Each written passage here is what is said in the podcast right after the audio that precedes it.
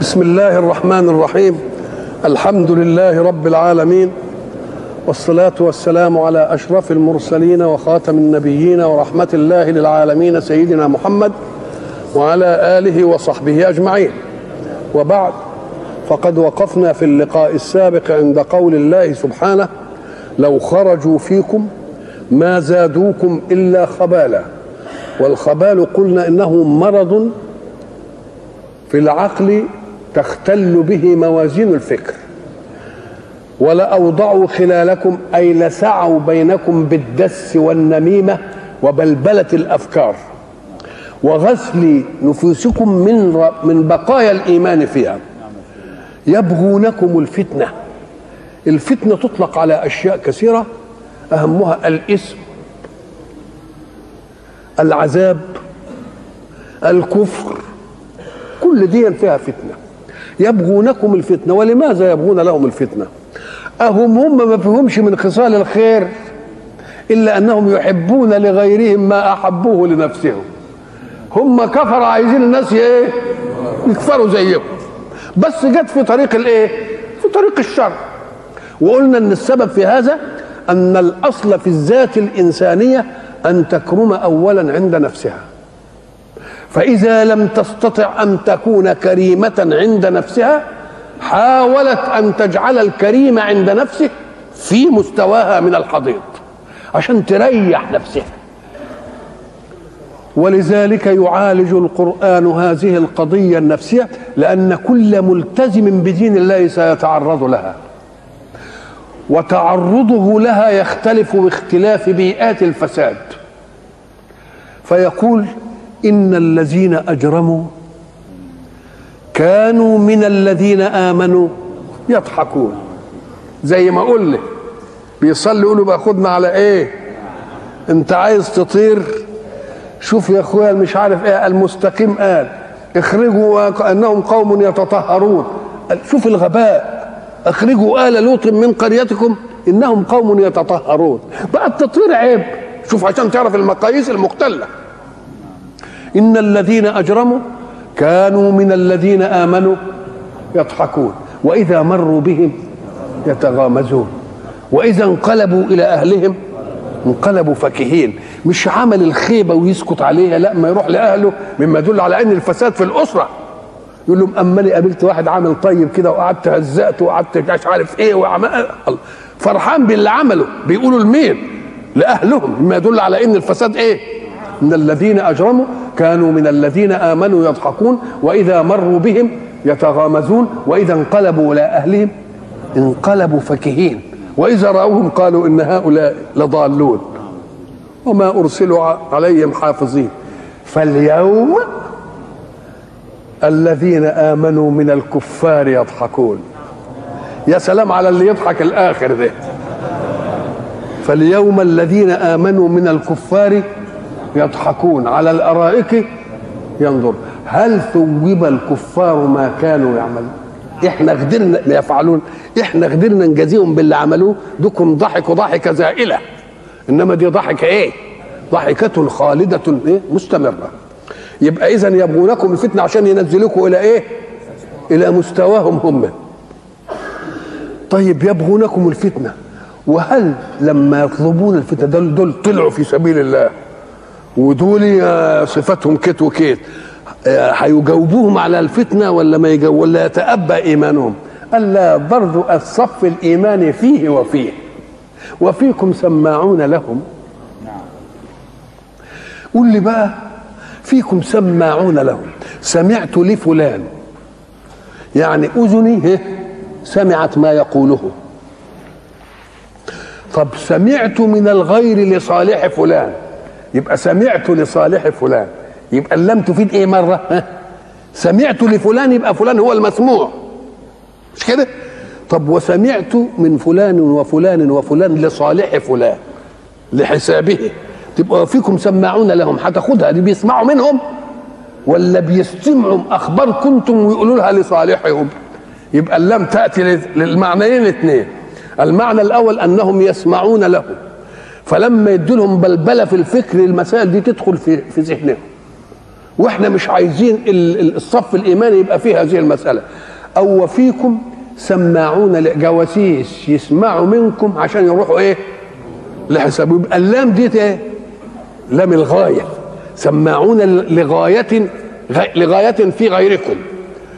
ال- ال- القرآن لما يجيب اللام دي هنا صالحه لايه للاثنين أم قال لك ما هو من الجائز أن يكون فيه ضعاف فيسمعون لهم؟ الدس يسمعوه. وفيه ناس برضه عيون لمين؟ يبقى فيكم سماعون لهم خدمت كم معسكر؟ ادتنا فكرة عن معسكرين اثنين. معسكر يسمع لهم تخزيلهم ومعسكر يسمع من المؤمنين أخبارهم وينقلها إلى مين؟ اذا فاللام دي هي اللي جت فاصلة بين الإيه؟ سمعت له أي هو هل هو المتكلم وأنا السامع؟ أو سمعت غيره لمين؟ لص- لصالحه تعال بقى هناك؟ إنا أنزلنا إليك الكتاب بالحق لتحكم بين الناس بما أراك الله. ولا تكن للخائنين خصيما. السطح يقول لك اوعى تخاصم الخاينين أحسن ما تقدرش عليهم لأنهم بيفجرهم ويعملهم مالكش دعوة بيهم. يقول له أنت خدت اللام بهذا المعنى. لا تكن خصيما لمين؟ للخائن. لأنه ما يتورعش إنه يعمل فيك أي حاجة. ما تدخلش بينه وبينك خصومة. أو ولا تكن للخائنين خصيما أي لصالح الخائنين. ما تدافعش عن الإيه؟ للخائنين. ودي قصتها طبعا ما إيه؟ معروفة. يبقى اللام مرة تيجي للمعنى ده ومرة تيجي للمعنى دي وثراء القرآن يعطي الإيه؟ يعطي المعنى. وفيكم سماعون لهم. والله عليم بالظالمين. لأن اللي بيسمع منهم ظالم واللي بيسمع لصالحهم ظالم وربنا عالم بمين؟ بالاثنين ويبغونكم الفتنة ليس حدثا فيهم. فإن الوقائع التي سبقت ذلك تؤيد إنهم يبغونكم الفتنة. إحنا ما بنتهمهمش. بنقول بالوقائع سوابق تدل على أنهم يبغونكم. لقد ابتغوا الفتنة من قبل وقلبوا لك الأمور. ما اجتمعوش وقالوا نقتله ولا نثبته ولا نخرجه ولا نعمل مش عارف إيه. إذا ابتغوا الفتنة ولا لا؟ لقد ابتغوا الفتنة من قبل. ما دام ما دام هم بي أنا بقول لكم يبغونكم الفتنة وسوابقهم تدل على أنهم إيه؟ يبغونكم الفتنة. لقد ابتغوا الفتنة من قبل وقلبوا لك الأمور. التقليب هو جعل أسفل الشيء عاليه واعليه أسفله. طب ودي ليه؟ حتى لا يستتر شيء منه في شيء. ودي ليه؟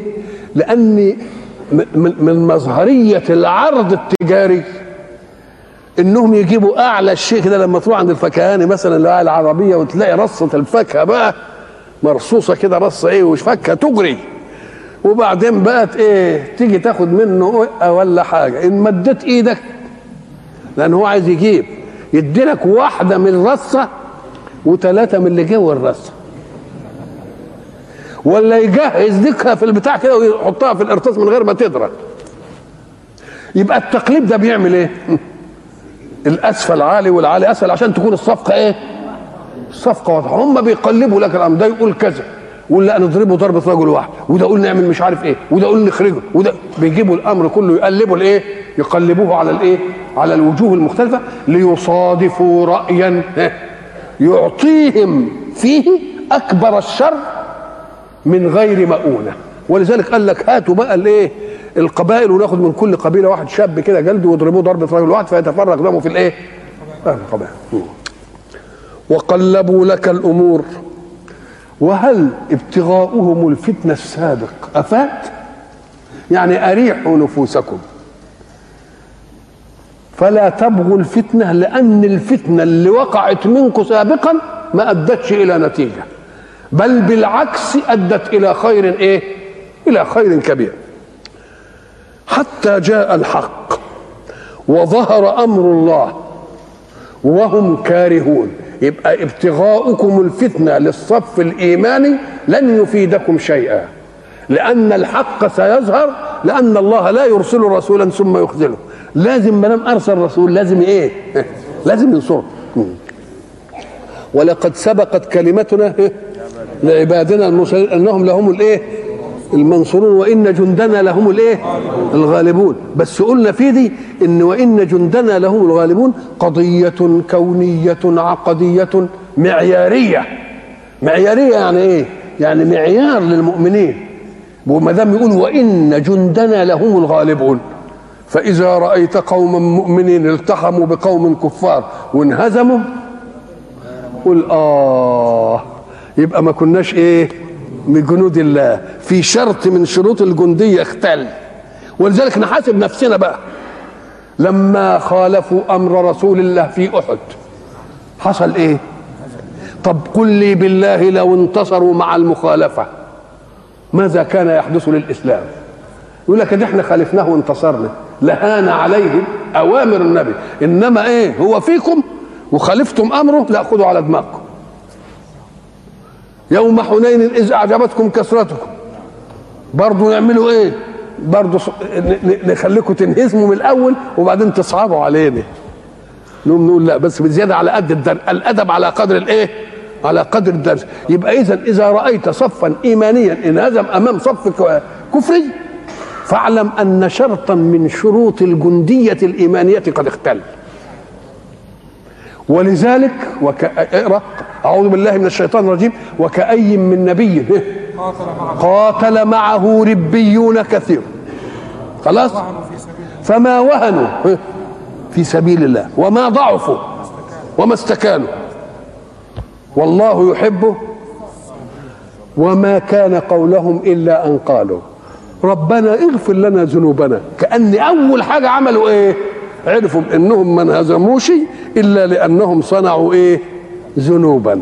اغفر لنا ذنوبا وإسرافنا في إيه؟ وتوبة يا رب. ثبت اقدامنا وانصرنا على الإيه؟ القوم. فأتاهم الله ثواب الدنيا وحسن ثواب الآخرة. يبقى اذا إن جندنا لهم الغالبون. دي قضية معيارية في الإيمان. ما تدورش على حاجة ابدا. شوفوا من انتصروا ولا ما انتصروش. إن ما انتصروش قول لهم دوروا على روحكم. أنتم لم تكونوا جنودا لله بمعنى الكلمة وإلا فالله لا يطلق قضية قرآنية عشان تيجي حادثة كونية تكذبها. من يقول أذن لي ولا تفتني يعني من الذين استأذنوا في القعود من قال هذه العبارة. ائذن لي يعني يا رسول الله ائذن لي في إيه؟ في القعود في القعود ولا تفتني. برضه هتاخد تفتني في إيه؟ عذاب آه سوء آه شرك كفر. كل دي جايز في الفتنة. طب وإيه ما هو بيقول ائذن لي في القعود ولا تفتني بعدم الإذن. ما هو ما دام يقول ائذن لي دي إيه؟ آه ظاهر الأمر يقول لك ده أمر. نقول له لا تأدب ما هوش أمر. ده إيه؟ دعاء. لأن صيغة الأمر إذا جاءت من الأدنى إلى الأعلى لا تقول إنها أمر بل قل هي إيه؟ وإن كانت من اللي زي بعض كده تبقى إيه؟ مساءلة كده. وإن كانت من الأعلى للادنى تبقى ده أمر صحيح. وإن كان كلها طلب للإيه؟ للفعل. ائذن لي يا رسول الله دعا أن رسول الله يأذن له في القعود. لأنك إن لم تاذن لي وقعت في فتنة. الفتنة هي إيه بقى؟ هو الجد بن قيس من الأنصار. جه قال له كده يا رسول الله ائذن لي ولا تفتني. تفتنك في إيه؟ لأنك إن لم تأذن لي فإن لم أخرج أبقى خالفت. إن لم أخرج أبقى إيه؟ خالفت. يجي لي من دي فتنة واسم. طيب وفي نفاق يظهر. وإن أذنت لي أتعذب وأتبهدل في حكاية الحرب وأنا ماليش جلد على الإيه؟ على الحرب دي. أو كما قالوا أنه كان مولع يعني زير نساء. وحدث عن بنات الروم اللي المعركة هتدور في أرضهم. فلما حدث قال بقى هيبقوا اللي قاعدين بقى الشبان وخصوصا الشبان اللي ما اتجوزوش يقول لك إحنا هنروح الحرب وننتصر ونجيبهم أسرى وتبقى فسمع الكلام ده. فقال له يا رسول الله لا جلد لي أنا رجل كما تعرف ماليش جلد على الحكاية دي فلا تفتني ببنات الروم. قال لي يعني الواد عنده عنده ذمة قوي. قوله ولا تفتني ائذن لي ولا تفتني سقطته في الفتنة. ألا في الفتنة سقطوا وإن جهنم لمحيطة بالكافرين. لأنه قال له يا رسول الله أنا شوية يعني الشحم عندي والسمنة ومش عارف إيه ولا أقدرش على الحر في البلاد دي والسفر والبتاع والحاجات دي, دي. فربنا قال له ما كنتش خير آه إن كنتم من الحر والبرد تفرون فأنتم والله من النار. إيه؟ أفر. يبقى قال له جهنم محيطة بالكافرين. وحرها إيه؟ قل نار جهنم إيه؟ أشد حرا. نعم. إن تصبك حسنة تسؤهم. وإن تصبك مصيبة يقول قد أخذنا أمرنا من قبل. طب المسألة في الحرب تصيبه حسنة يعني ينتصر نصر ياخد غنائم ياخد سبايا. دي إيه؟ حسنة. تبقى دي بتعمل إيه؟ تسؤهم تحزنهم. ليه؟ قالوا يا ريتنا كنا خرجنا. كنا قال نلنا شيء من مش عارف إيه. يبقى تسؤهم ليه؟ لأنكم نلتم وهم لم إيه؟ لم ينالوا. طيب وإن كان العكس دي حسنة وإن كانت سيئة يقولوا يا سلام ده إحنا عقلاء. لأننا احتطنا للأمر من قبل ولا رضناش نطلع. إحنا عارفين المسألة هتوصل لكده وكده وكده. الله. بقى إن تصيبك حسنة إيه؟ تسؤم. وإن تصيبك إيه؟ مصيبة في إيه مثلا؟ هزيمة مثلا؟ مصيبة في المال؟ مصيبة في العتاد؟ في أي حاجة؟ قال لك إيه؟ يقول قد أخذنا امرنا من قبل يعني إحنا احتطنا. طب وأخذنا امرنا من قبل دي يعني إيه؟ يعني إحنا احتطنا. حيطة؟ هو ما قدرش يحتطها لجيشه. نبقى إحنا نصحين عنهم. نحن إيه؟ نصحين عنهم. فيرد الله عليهم أبلغ الرد. يقول إيه؟ ويتولوا وهم فرحون. قل ردا عليهم لن يصيبنا إلا ما كتب الله لنا.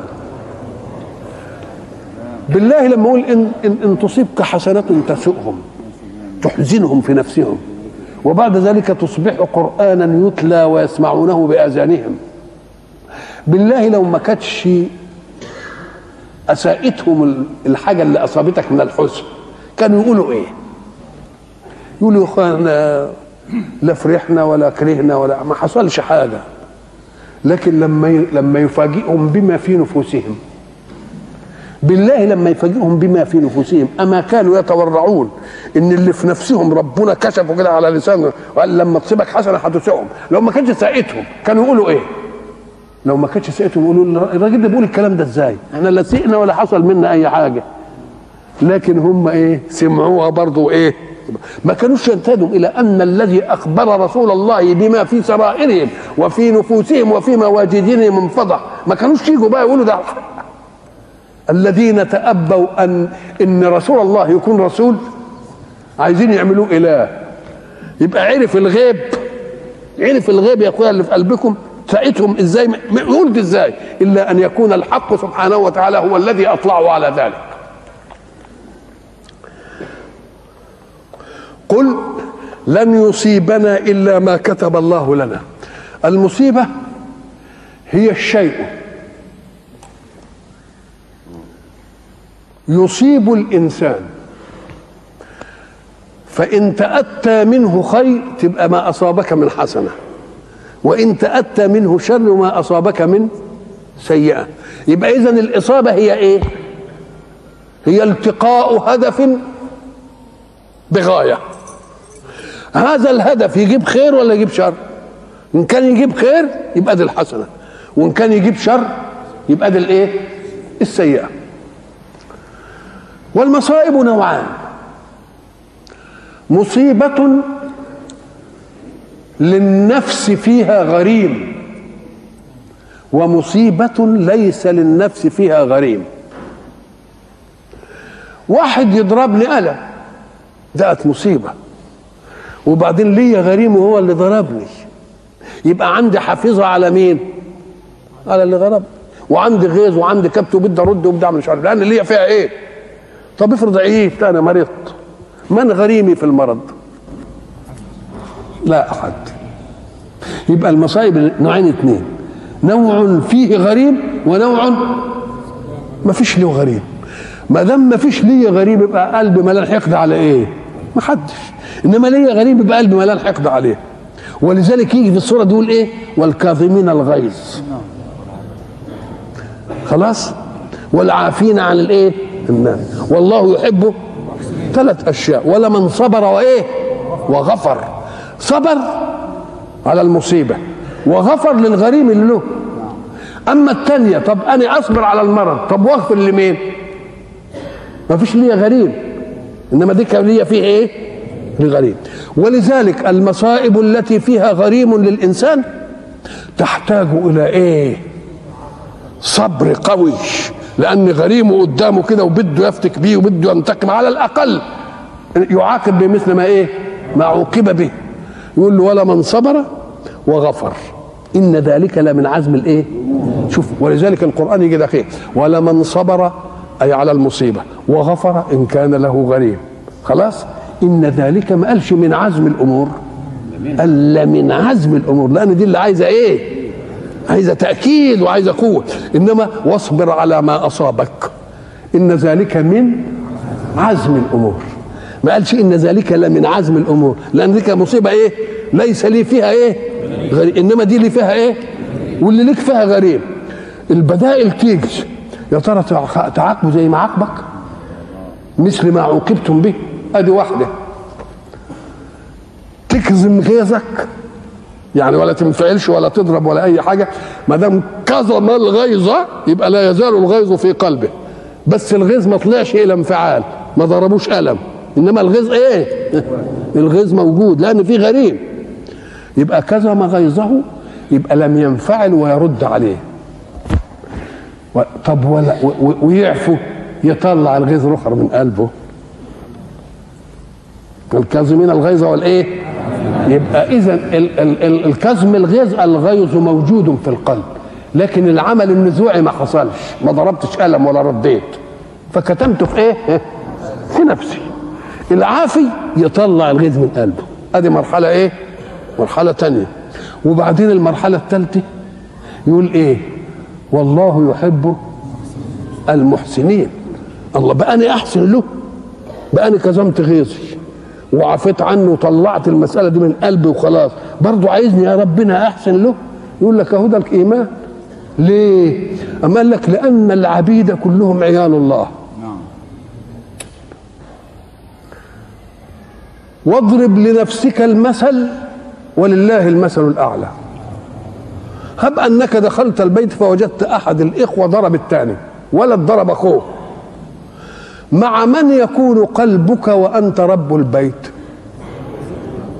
مع المضروب مع الضعيف وتقعد تطبطب عليه تربت على كتفه وتجيب له مش عارف إيه وقول له خلاص أنا هجيب لك وتقعد تحسن إيديه. طب ما دمنا كلنا عيال الله وعبد اجترأ على عبد وظلمه. يبقى مين اللي هيقف في صفه؟ الله. طب واحد لما اساء لك جعل الله في جانبك ما يستحقش بقى إنك ترد له التحية دي؟ ده جعل ربنا في جنبك يا أخي. ما دام جعل ربنا في جنبك ده كان يستحق إيه؟ ولذلك قال ألا أحيي من جعل الله في جانبي؟ ده كون ربنا يبقى معايا كده ويبقى ويا ضده. طب ده اللي بالشكل دي؟ طب افرض بقى إن الأب دخل ولقى الولد ضرب أخوه. وبعدين قعد يطبطب عليه ويجر وبعدين قال له طب خد أنا جايب لك على مش عارف إيه وهجيب لك إيه وهعمل لك إيه. الولد الظالم. شاف المظلوم إيه؟ منغنغ في عطف ابوه والله كأني به اللي نتنغنغ من ظلم أخوه يجي يقول لأخوه بكرة ما تضرب لك قلمين كده خلينا نتنغنغ. طبعا مسألة كده. كذلك الحق. يجي للمظلوم ويروح يبقى بجانب. ولذلك قال ولا من صبر هو غفر. إن ذلك لمن عزم إيه؟ الأمور. والكاظمين الغيظ اهي والله يحب الإيه؟ والله يحب المحسنين. والله يحب المحسنين. فلما تيجي بقى في المصائب تقول إيه بقى؟ أم قال لك ردوا عليهم. قل لن يصيبنا إلا ما كتب الله لنا.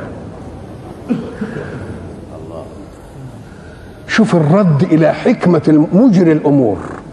ردت المسائل إلى حكمة مجريها. إن أبويا ضربني قلم يبقى لصالحي برضه. عشان التفت لدروسي. عشان ما أعملش حاجة مخلة بالأدب. يبقى لما ضربني تبقى لمصلحة ليا ولا لأ؟ طب لما ربنا يهزمهم في معركة يبقى رايد بهم الخير ولا لأ؟ طب ال- ال- الأستاذ الذي يمسك الكراسات فيصحح للتلاميذ أخطائهم. دي غلط ويشط له عليها كده. يبقى بيعمل في إيه؟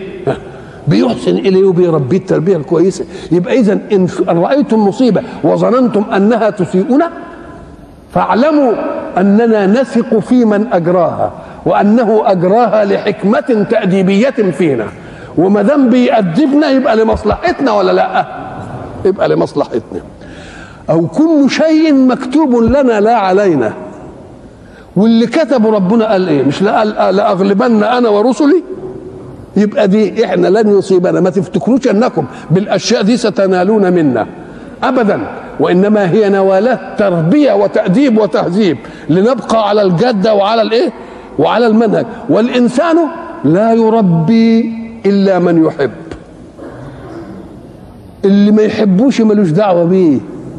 إحنا ضربنا مثل وقلنا هب انك دخلت البيت كده وجدت في حوش البيت عيال بتلعب الورق. أحدهم ابنك والتاني ابن أخوك والتالت ابن الجار. على من تنفعل اولا انفعاله واقساها آه ابنك. لأنك أنت تحب إنه يكون إيه؟ نموذج كمالي. وابن أخوك يمكن تقول له اخفى ابعد عني ولا بتاع والتاني ولا تلتفت له. الله. يبقى اذا التأديب ده لصالح مين؟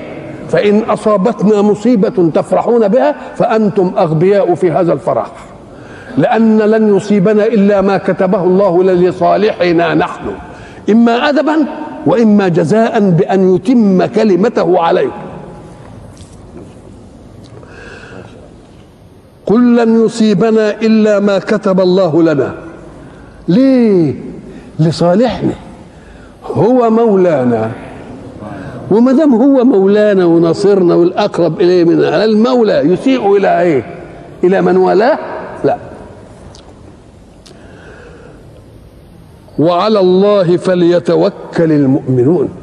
على الله فليتوكل المؤمنون. أيوه. ليه؟ قال لك لأن الله الذي آمنت به إله قادر عالم حكيم. يبقى إذا جرت أمور عليك فابحثها. أمن فعل نفسك؟ يبقى أنت اللي تلوم نفسك. أم ليست من فعل نفسك بل من فعل الله فيك. تقول لازم عملها لحكمة. ليه؟ لأن الحق سبحانه وتعالى بيدي للكافر بيعيشه ومديله مقومات الحياة. يبقى المؤمن لازم يديله المقومين. مقوم الحياة المادية ومقوم الحياة الإيه؟ يبقى مثل هذا يجب أن إيه؟ نتوكل عليه في كل شيء. وإن أصابتنا مصيبة ما نقولش ده تخلى عنا. فتضعف التوكل. نقول لا ده ما تخلاش. ده هو حينما أدبك كان معك. وإن لم يؤدبك يبقى تخلى عنك. فساعة تأتي المصيبة اعلم أنه لا يزال إيه؟ لا يزال إيه؟ مولاك. وما دام مولاك بهذا الشكل كل ما تغلط غلطة يحاسبك عليها ويصوبها لك يبقى هو ده اللي تثق فيه أن تتوكل عليه. ساعة ما يجي الواحد مثلا يتكل في أمر من الأمور على وبعدين غلطت منها فيجي يقول لك أنت غلطت. أنت ما كانش صح إنك أنت تعمل الشيء الفلاني. تقوم أنت تثق في وكالته ليك ولا ما تثقش طب وإن غشك وقال لك لا ما فيش مانع ما فيش عارف إيه. تثق فيه ولا ما تثقش؟ يبقى وعلى الله فليتوكل إيه؟ ولكن إياكم أن تنقلوا التوكل من القلوب إلى الجوارح. التوكل مش عمل جوارح التوكل عمل؟ قلب. ولذلك يقول لك الجوارح تعمل والقلوب تتوكل. تروح تحرث الأرض الجرحى عملت. تبدر البذر الجرحى عملت. ترويه الجرحى عملت. كل دي الجوارح عملت. وبعدين بقى يطلع الثمر. اتوكل بقى على الله لأن من الممكن إن الثمره تبقى ناضجة كده ويجي لها شوية ريح ولا شوية حر يعملوا فيها إيه؟ يضيعوها. وتكون انت واثق بأن هيبقى عندك السنة دي هتبر وعندك مش عارف إيه وعندك إيه وعندك إيه وبعدين تجي افه سماوية تاخدها. تقول له لا أنت تعمل بجوارحك. فالذين لا يعملون بجوارحهم يقولوا إحنا متوكلين لهم كذابين. التوكل ليس عمل الجوارح إنما التوكل عمل مين؟ عمل القلوب. الجوارح تعمل والقلوب تتوكل. وبيقول لك بقى كن ناصح في التوكل. خليك ناصح. قال وتوكل على الحي الذي لا يموت. إحنا بنقول زمان كده آه، بنعملها زي نكتة تتوك تتكل على واحد إنه هيعمل لك ويزمل لك ويعزك ولما تتخرج هيوظفك ويجيب لك مش عارف وبعدين تلتفت قبل ما تتخرج تلاقيه فطس مات. انهار. امال أتوكل على من بقى؟ على الحي الذي لا يموت. وعلى الله فليتوكل المؤمنون. قل لهم ردا تاني بقى قال لن يصيبنا إلا ما كتب الله إيه؟ لنا. يعني فرحكم بالمصيبة لنا مش فرح أغبياء. وأقول لهم بيض هل ت- هل تربصون بنا إلا إحدى الحسنيين؟ التربص هو الانتظار والترقب. يقول لك فلان متربص بيا. متربص بيا يعني إيه؟ مترصدني ورصد حركاتي عشان يعمل فيا مثلا كذا أدي الايد التربص. إيه تربصوا بيني. وإحنا برضه هنتربص بكم هتت... هنت... أنتوا هتتربصوا بيني فلا تروا من الله إلا الفوز لنا. إما بالغنيمة منكم وقهركم في الحرب وإما بالاستشهاد في سبيل الله. وإحنا هنتربص أن يصيبكم الله بعذاب من عنده أو بأيدينا. يبقى أي التربصين خير؟ أنتم تتربصون بنا إيه؟ أنتم بتتربصوا بنا إحدى الحسنيين.